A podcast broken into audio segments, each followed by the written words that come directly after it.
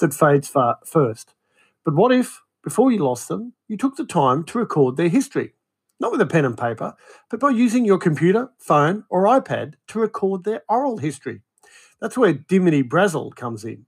She's the founder of A Lasting Tale and has made it her mission to help people capture the stories of those they love in their own words. Dimity hosted a workshop at the Museum of the Riverina over the weekend, and Rosie King went along to find out firstly about Dimity's own story. So I am a um, Wagga girl born and bred. I'm the youngest of a large family, and um, because of that, um, my mother is now 85, and I have tried to combine, and I have seen that she's got these amazing stories. She's a great talker. Uh, she uh, has done a lot of things that are interesting, and she doesn't have a lot of her story um, either written down or spoken. And I am quite young to have an 85 year old mother. And so I've tried to combine kind of understanding about podcasts and being a writer. I just saw a niche of going, well, we can all make a really good podcast from our phone now.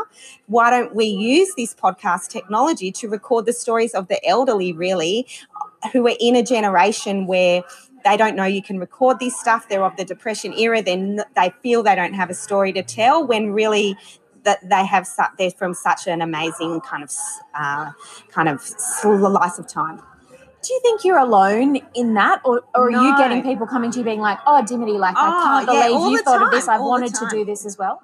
All sorry rosie. Uh, i am not alone in this. So i launched it in september last year and of course at the start my, my family and friends told me that they believed it but actually i'm getting so much um, take up from the community. Um, i've got really good attendance at today's um, workshop which is the first one. I've been uh, interviewing um, elderly people around the riverina albury finley wagga beechworth. Yeah, there's, uh, and actually, I've had people from um, nursing homes and aged care providers, um, funeral homes, people who just work in that field that know there are stories in there. Because what's the power of an audio history as opposed to a written history, would you say? I think that the power of the voice is really incredible. I think that when somebody dies, we we want to hear that voice again. And um, research shows that somebody's voice is the first thing that you forget. And that's really sad and emotional. And I mean, it's the cry all over the world that people just long to hear that voice again. And I just think if you can capture somebody's story in their beautiful voice, you can listen to that again and again. And you can relate to that personally. Yeah. I know the real inspiration for A Lasting Tale was your father and your sister. Yes, yes. So my the real inspiration was my father and my sister both passed away about eight years ago in a very short time frame.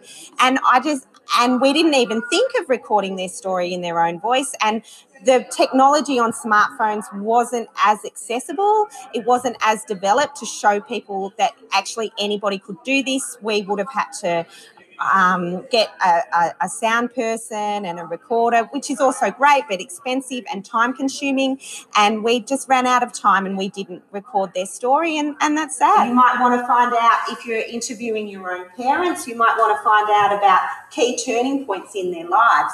Jenny, what brought you here today?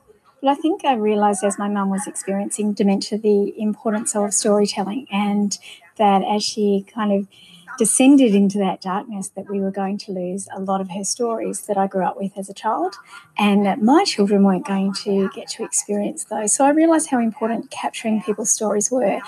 And when I found out about the workshop and the ability to learn how I could really capture my family stories, I um, had to come today. What do you think it is about hearing someone's voice? A lot of older people write their histories down, but what's that power, the power of hearing their voice? I think our senses like smell take us immediately back to a moment. And I think it's the same with a person's story. Um, and I read the same thing about reading someone's handwriting. It gives us an insight into somebody's character. And there's so much, much warmth and so much, I suppose, emotion um, that can be conveyed in someone telling their story that you just can't capture when you're reading it on a page. In terms of your mum's story, will you have a chance to capture it? Um, unfortunately, um, by the time Dim started A Lasting Tale, um, my mum was beyond the point of us really being able to um, have those conversations, um, and she has since passed away. Uh, but that's a really good reminder about why it's important to not put things off and to not think one day, but actually grab each and every single moment and each and every single opportunity. And I think that's something that Dimity's been really good at conveying. It you don't have to have it perfect. You don't have to have all the equipment. It's just make a start um, and don't have any regrets. Scott, what's brought you here today? Uh, I'm a funeral director, and quite often that we see so much of people's stories lost when people pass away. So we've um, we're trying to encourage families themselves to pass on that information and so have that intergenerational chat, so the information's not lost. Yeah. This might be insensitive, but by the time people come to you, isn't that story kind of lost already? Can be, and, a lot of it's recalled in eulogies, but I still think there's so much lost, particularly between um, if it's an elderly person that's passed away and the grandchildren, they've only remembered their per, their grandparents as an older person. They don't really know them as a, as a younger child.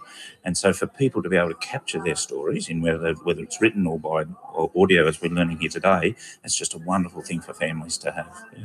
What have you learned and how will you use it? Oh, just how easy it is, actually um, to plan the interviews, um, and then also how to capture it on audio. Not all of us are good writers, so that we can all talk.